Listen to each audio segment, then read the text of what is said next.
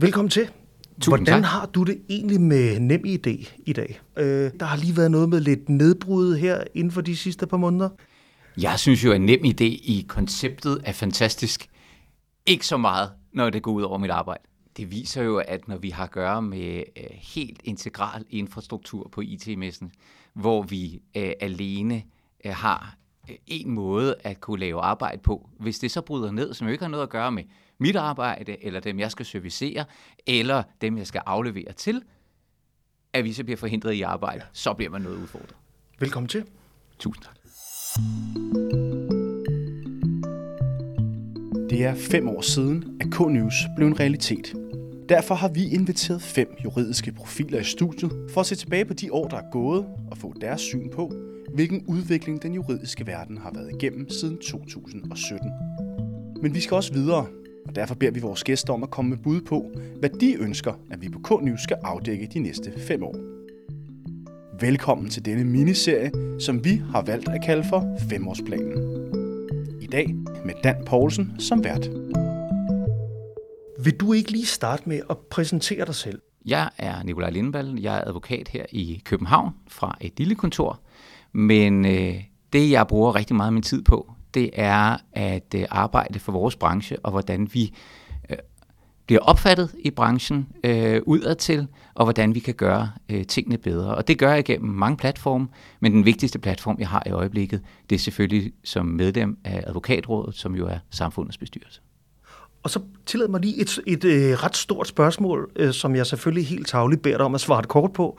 Hvor meget er vores juridiske system i dag udfordret af, at der pludselig er kommet noget, der hedder digitalisering? Jeg synes ikke, vi er udfordret af digitalisering eller internet.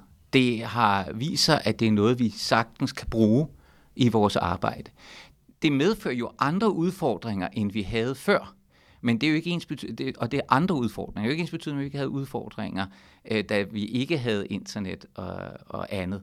Men digitalisering som sådan er i min optik ikke en udfordring øh, på arbejdet. Det er et krav til, at vi er omstillingsparate på, hvordan vi arbejder. Hvor gode har vi så været til at, eller hvor gode har I og domstolssystemet og hele retssystemet så været til at fagne de muligheder, der følger med digitaliseringen? Jeg tror, man må opdele det. Jeg tror ikke, at du kan svare, at, at vi som øh, judiciel branche med domstole og klienter og andet øh, over en kamp har håndteret det her. Øh, jeg synes, at advokatstanden har håndteret digitaliseringen rigtig godt. Øh, den, den giver en masse nye muligheder, som jeg synes, vi har embraced. Vi, er, vi, er vi nået i mål med det? Nej, det er vi ikke. Men jeg synes, at man har vist fra standens side, at vi øh, godt kan håndtere det, og gerne vil bruge det. Så har vi så den, kan vi sige, en af vores aftagere, øh, ud over øh, dem, som betaler regningerne, nemlig domstolssystemet, der hvor jeg har min øh, hoved, hovedarbejdsopgave som civil øh, procesadvokat. Øh, der er domstolen selvfølgelig udfordret, fordi de skal ikke kun tale med os. De skal også tale med hr. Hansen og fru Jensen, som selv laver tingene. Og der er jo bare andre krav til både forståelsen øh, og brugen af digitalisering. Men nu startede med at spørge dig til nem idé. Ikke? Øh, den dag, hvor det går op for dig, at det er gået ned, kan du huske, hvor du er? Kan du huske, hvilken situation? Altså, jeg ved jo, du skrev om det. Jeg så dig skrive om det på LinkedIn. Mm. I hvilken sådan hverdagssituation ramte det dig, at øh, det var gået ned? Ja, altså, jeg synes jo, at min retssag var meget vigtig. Altså, der var andre, der, jeg tror, de var udfordret, de kunne ikke komme på borger.dk eller, eller andre. Altså, det var jo hele nøglesystemet, øh, som var udfordret. Øh, nu spurgte du til, hvor jeg var henne. Øh, jeg kan faktisk ikke huske, fordi jeg sad, med mit arbejde er jo min computer, så jeg sad, og jeg kunne simpelthen ikke komme på. Og øh, jeg var jo noget presset, fordi som alle civile advokater, så har vi frister hver dag. Øh, og der var nogle frister, der skulle overholdes. Øh, og når man ikke kan logge på, og systemet bliver ved med at opdatere og sige, vi er nede, vi er på om en time, så logger man på en time senere, vi er stadig nede, prøv, prøv igen senere. Øh, og, og det viste jo for mig, det er en udfordring, og de andre udfordringer, som jeg talte om, som vi havde før. Før kunne vi have poststrækker, så kunne vi ikke indlevere processkrifter ved post, øh, eller modtage det. Men nu var det jo nøglen til hele systemet, øh, som var udfordret. Jeg har ikke engang fundet ud af, øh, tror jeg, øh, nu er jeg ikke verdens største tekniker, præcis hvad det var, der gik galt for dem. Jeg tror ikke engang heller selv, de helt har indset, hvor, hvor det var, fejlen ligger. Men det er også derfor, jeg har sagt, prøv at høre her, vi bliver jo nødt til at at have en contingency plan, når det er sådan, at det er basal IT-infrastruktur. Nu nævner du selv uh, god gammeldags uh, postomdeling. Der var man ligesom uh, indstillet på, at det kunne tage en til to dage af noget ligesom kom frem. I dag forventer vi med internettet, det skal bare gå enormt hurtigt. Mm. Og set på den store klinge, er det jo desværre ikke sådan, man kan sige, at øh, der er noget, der går specielt meget hurtigere i retssystemet i dag, end dengang vi bare postomdeler. postomdelere. Det synes jeg jo faktisk, det gør. Det er ikke der, den tidsmæssige problemstilling er, inde. Øh, det har øh, gjort, at vi har real-time øh, viden om, hvad der er, der er sket. Øhm, og det er en af fordelene. Altså, nu skal jeg ikke kun her stå og slå på systemet. Jeg er en, en stor fortaler for, at vi har en portal. Nu har vi lige talt med nordmændene også her i, i, øh, i de sidste tre dage oppe i, i Reykjavik til Nordisk Juristmøde. Øhm, Hvor du lige er kommet hjem fra. Som jeg lige er kommet hjem fra. Som vi øh, også havde, som også har en, en civil portal. Og det vi alle sammen var enige om, at det er jo, at det er jo rart at vide, at man ved, hvad der er, der er sket. Øh, og så er der de andre udfordringer. Med postsystemet, så vidste man jo ikke, om en modpart havde sendt til tiden. Man vidste ikke, om tingene var kommet frem til retten. Så der var en masse mere, øh, kan vi sige, korrespondence. Altså jeg, er jo, jeg startede i, i år 2000 med øh, at arbejde som fuldmægtig. Der startede vi med postmøder.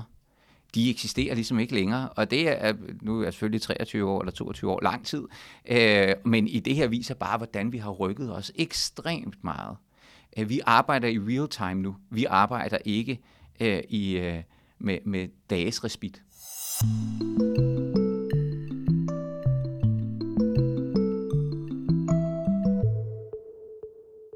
Lad os lige prøve at nulstille samtalen her. Øh, du er her i anledning af, at øh, K-News fylder fem år, og det gider vi egentlig ikke snakke så meget om, men det er bare en anledning for os til at sige, okay, hvad der er egentlig sket i branchen i fem år? Har der været noget opsigtsvækkende i de forgangne fem år? Nu øh, havde du advaret mig om, at du ville give mig det her spørgsmål, og så satte jeg mig ned og, og tænkte over det. Og jeg tænkte, jeg fik en meget lang liste frem, for jeg synes, der er sket ekstremt meget i fem år. Jeg synes også, at det viser de medier, der er kommet frem herunder jer, en berettigelse, fordi vi har et, et meget bredere felt. Når man så kigger fra min egen stol, hvor at, øh, jeg jo sidder som civilprocesadvokat, så er der i hvert fald øh, to hovedområder, sådan som jeg ser det, som vi er øh, øh, har, har fyldt meget. Og, og den allervigtigste, det er simpelthen, hvordan vi øh, har det med de civile retssager i det danske domstolssystem. Altså, hvordan behandler vi dem? Hvordan finansierer vi det? Og, og hvordan øh, er interaktionen mellem retten og, og advokaten? Det var den store ting.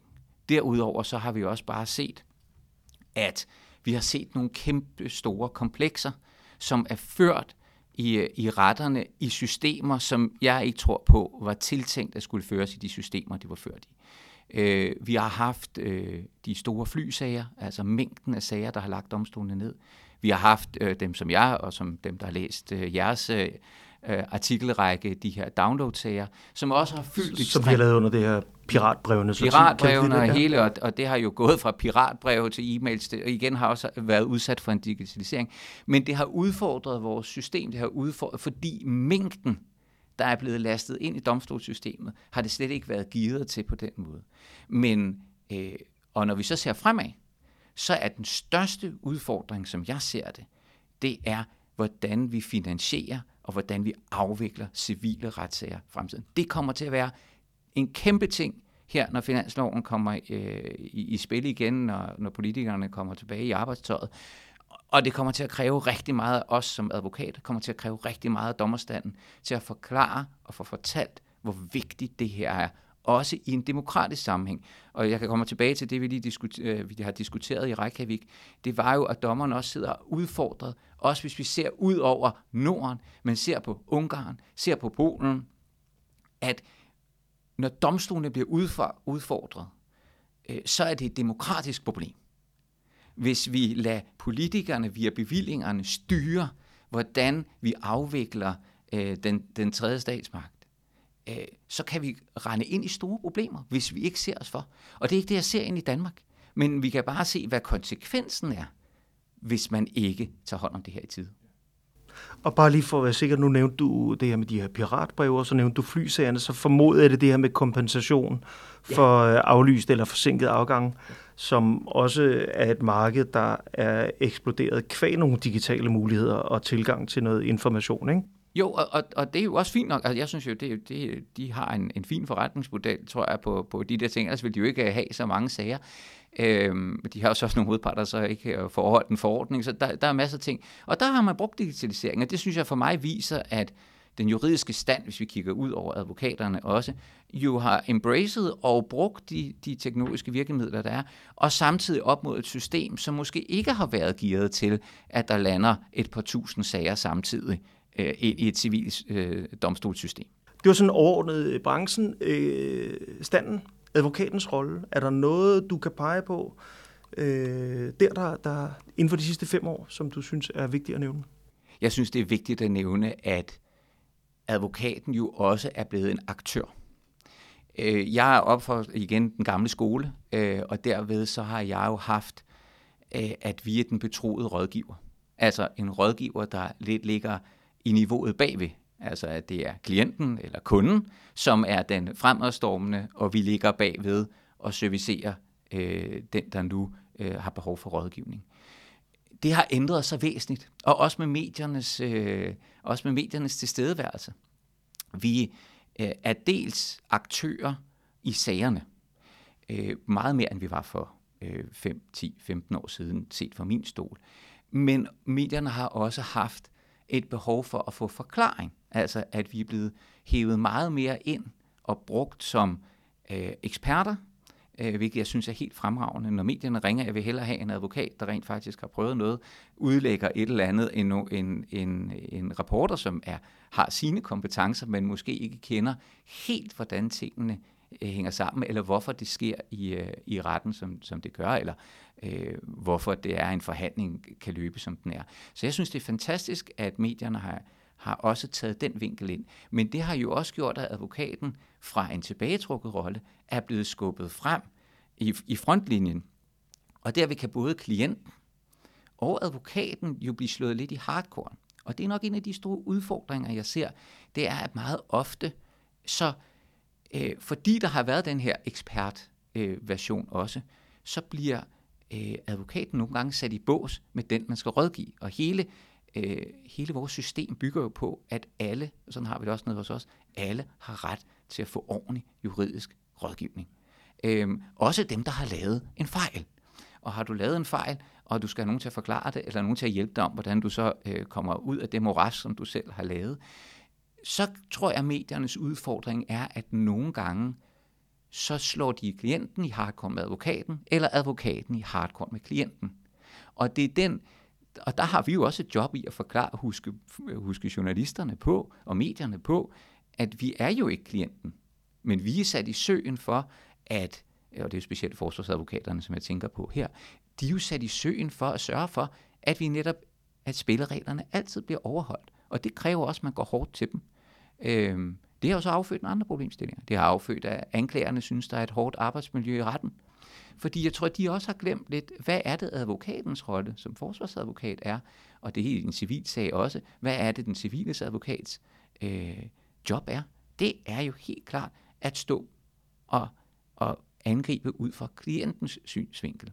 Og det, jeg ser en udfordring, når jeg får nye studerende eller fuldmægtige ind på kontoret, at når jeg beder dem aflevere et eller andet, så kommer der en fin juraopgave.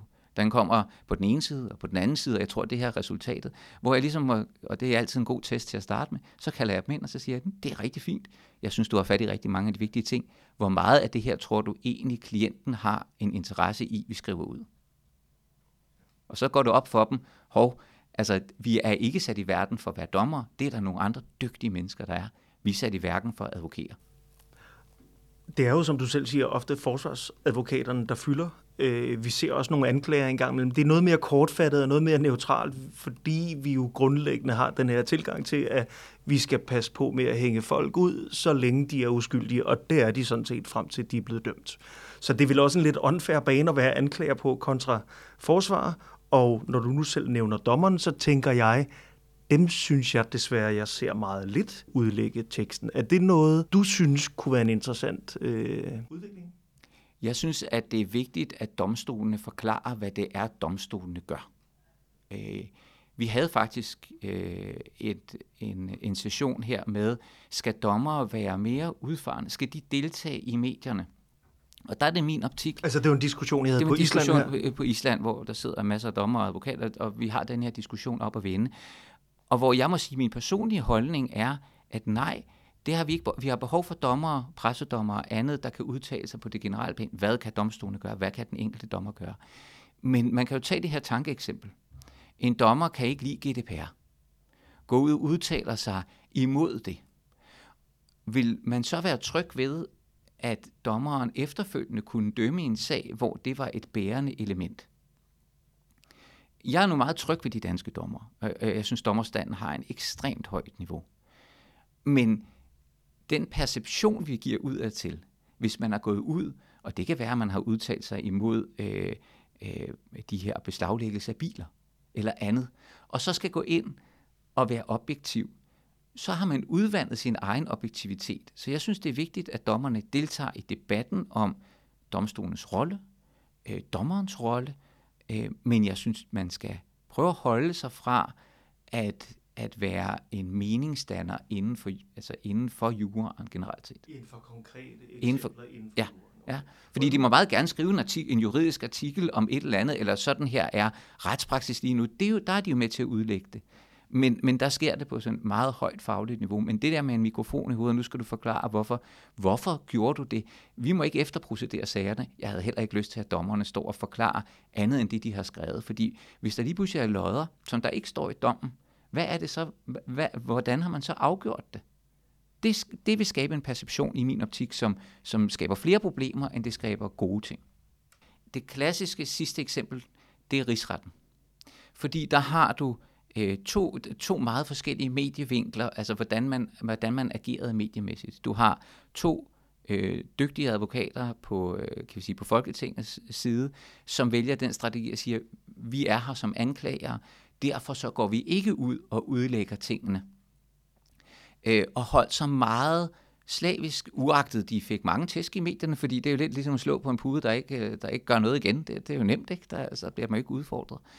Og så to dygtige, altså sådan dygtige advokater med et, et team med to dygtige advokater på den anden side, som var dygtige til at prøve at bruge medierne aktivt i deres rolle.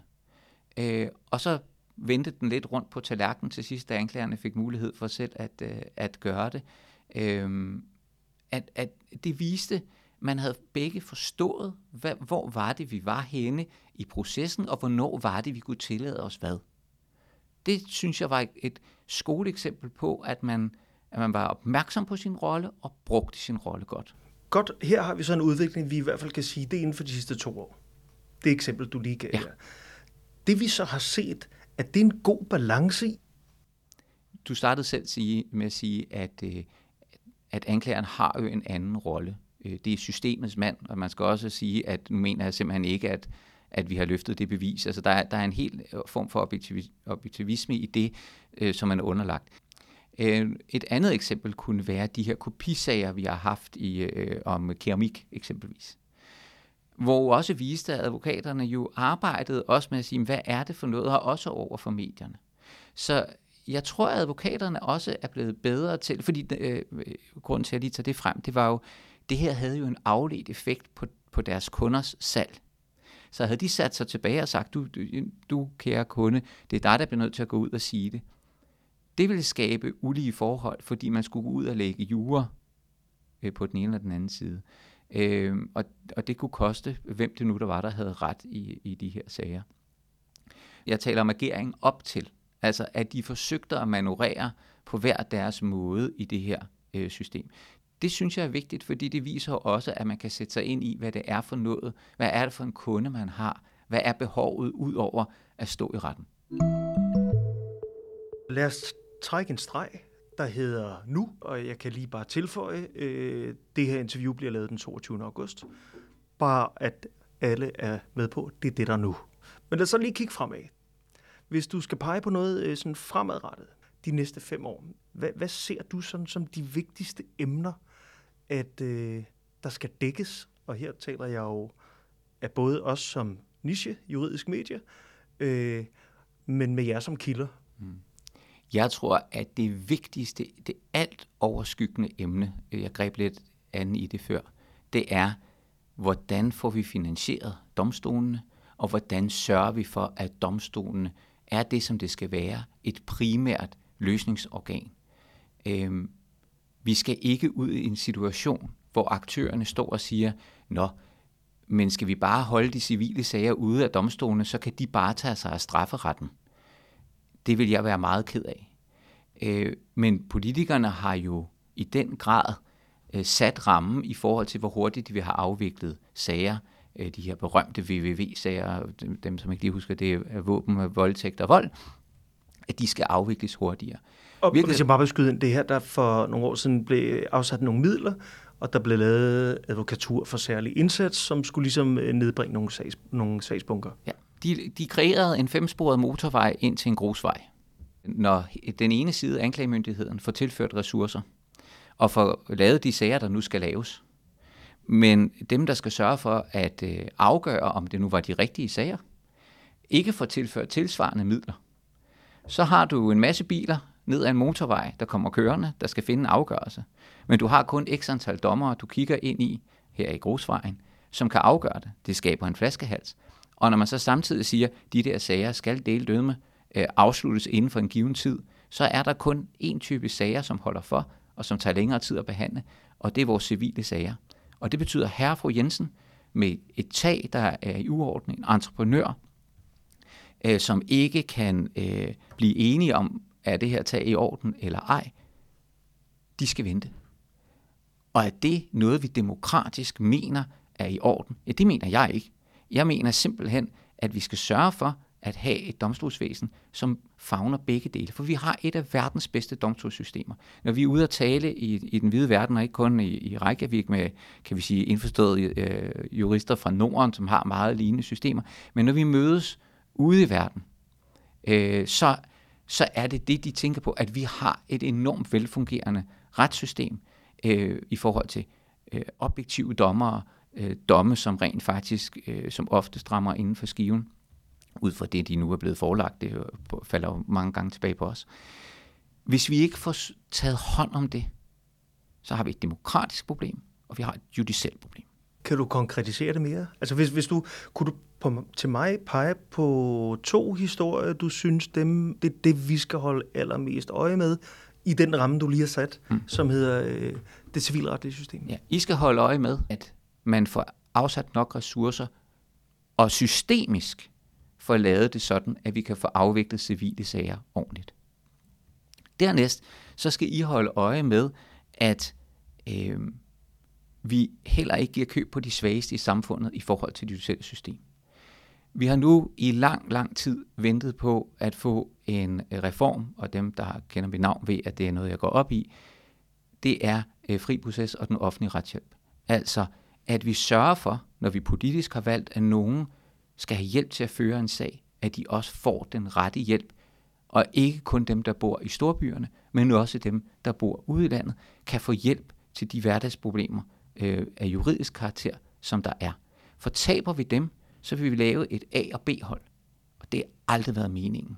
Og det kræver, at vi reformerer, og det kræver, at vi får en sammenhængskraft imellem domstolene, imellem det, vi sørger for, at der er ordentlig repræsentation, og det og det ender så i det output, vi får af, at folk, der har ret, også får ret. Noget af det, du lige sagde lige nu, det var den gode gamle, send flere penge, øh, men du sagde også noget andet, som handler, hvis jeg forstår det rigtigt, om, hvad er det for et system, vi bygger til det her. Send flere penge, det kan vi altid være enige om. Det kan være en god ting på den korte bane. Men hvis jeg skal bede dig udfolde det andet, hvad, hvad er det, du ser øh, løs, løsningen kan være? Hvis vi skal være dem, der sådan kigger mod, det her kunne være øh, nogle gode bud på, hvordan vi gør det. Ja. Og du er velkommen til nu at sige, det skal vi lige arbejde på. Det vender jeg tilbage og fortæller på et senere tidspunkt. Nå, ja, det gør jeg gerne, når vi, når vi har fundet dem. Men jeg tror, at øh, fordi vi har ikke fundet de vise sten endnu. Øh, det her er ikke, og der er ikke én løsning. Altså, det, du kigger ind i et, øh, et område med sikkert mange løsninger. Men, men det, jeg tror, man skal se på, det er at sige, jeg er helt enig i, det der bare med at sige, send flere penge, det holder ingen steder. Men man bliver også bare nødt til at indse, at hvis man ønsker et system, som politikerne ønsker lige i øjeblikket, som vi som, jeg vil også gerne have, at alle sager bliver løst ordentligt og redeligt og hurtigt. Øh, hvis du fører 10.000 sager ind i et system, eller hvis du fører 5.000 sager ind i et system. Det er det. Men det er det, jeg mener om det systemiske. Fordi det har ikke kun sendt flere penge, det er også uddannet flere dommere, som kan tage hånd om de her sager. Sørg for, at der er fysiske rammer til det. Sørg for, at fødekæden i domstolssystemet kan håndtere øh, den sagsmængde, der kommer ind. Så ja, alt kan i sidste ende blive sendt flere penge, men det er jo ikke sendt flere penge ind i et system, bare at sige ansat fire dommer, for du kan ikke ansætte fire dommer, fordi hvor vil du finde dem henne? Det, det kræver, det er jo en arbejdsmængde og en, og en arbejdsproces mod, hvordan sørger vi for, at vores system nu er gearet til den juridiske virkelighed, vi kigger ind i i dag. Og det er anderledes end bare send more money. Jeg er sikker på, at vi kommer til at tale øh, mere om det her de næste fem år. Og for os lige at runde det, så er der vel også nogle muligheder i digitaliseringen, hvor, hvor hele domstolssystemet kan forbedres øh, i forhold til hvilke sager man automatisk, hvor man kan finde en sammenhæng, at der er nogle argumentation, nogle præmisser, som, som, som kan trækkes på tværs. Hvis, hvis jeg må nævne øh, piratbrevenes årti, der var det jo øh, tydeligt, at der sad en masse byretter, sad med en sager, og som ikke rigtig snakkede sammen. Og, og det er jo både fordelen og ulempen med vores system, at det er den enkelte dommer, som træffer en beslutning. Men jeg er helt enig med dig. Jeg tror, at vi kigger ind i her i digitaliseringstidsalder på muligheder, hvor man ikke at vi tager øh, det, at den enkelte dommer bestemmer væk. Vi læser jo også meget forskellige jure en gang imellem, øh, og det stikker også i hver sin retning, og så må vi jo træffe et valg ud fra de andre dele, der er en sag, de bevisligheder, der er en sag. Det er det samme, en dommer gør. Øhm, så en, en AI i domstolene med, at man sørger for, at øh, den her sag, den omhandler det, øh, så kan man kalde dem frem på sin skærm. Vi, er, vi begynder at arbejde med det nu. Ikke? Vi begynder med at have en domsdatabase, som endelig er gået i luften. Der går lang tid, inden vi er i mål. Øh, i har øh, selv øh, den, den ældste version af det. Men altså den er, som, som Karno Group formoder, du ja, Kar, ja, Karno Group har, men, men at vi, øh, det er jo stadigvæk også bare et uddrag. Øhm, og det er jo, der er jo nogen, der har siddet og sagt, det her var interessant, det sender vi videre. Øh, når vi får den her fulde platform, så kræver det jo også søgeværktøjer, som er, er, er væsentligt anderledes, end, end man bare ved, at den er der. Så jeg synes, digitalisering øh, hjælper os. Jeg synes, vi kan få bedre afgørelser. Vi kan få mere researchede afgørelser. Men, øh, men der er også udfordringer, fordi vi skal jo heller ikke kende en situation, at når min kollega XX mente det, så mener jeg bare det samme. Men jeg hørte sige, at vi kan godt, der kan godt i systemet være en større vidensdeling, øh, som ikke nødvendigvis behøver at være en holdningsdeling. Det ville jo være smart, hvis dommeren vidste, hvad andre havde ment om det, og så kunne danne sin mening ud for det.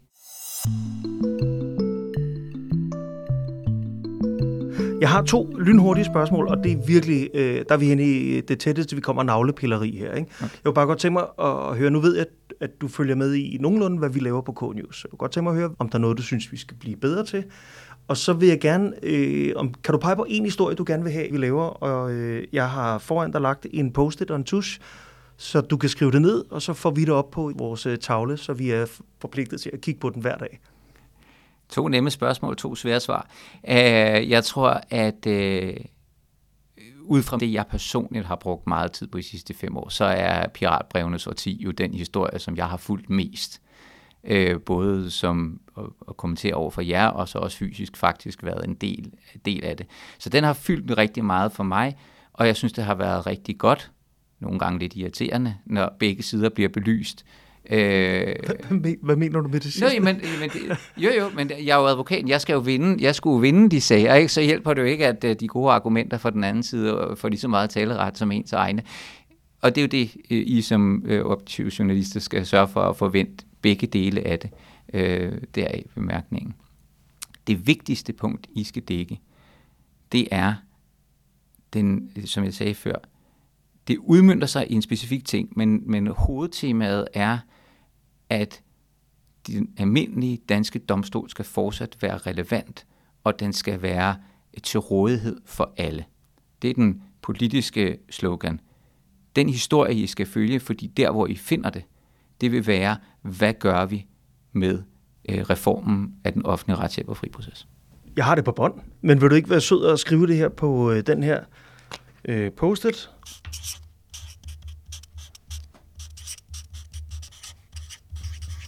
Det lidt andre ord.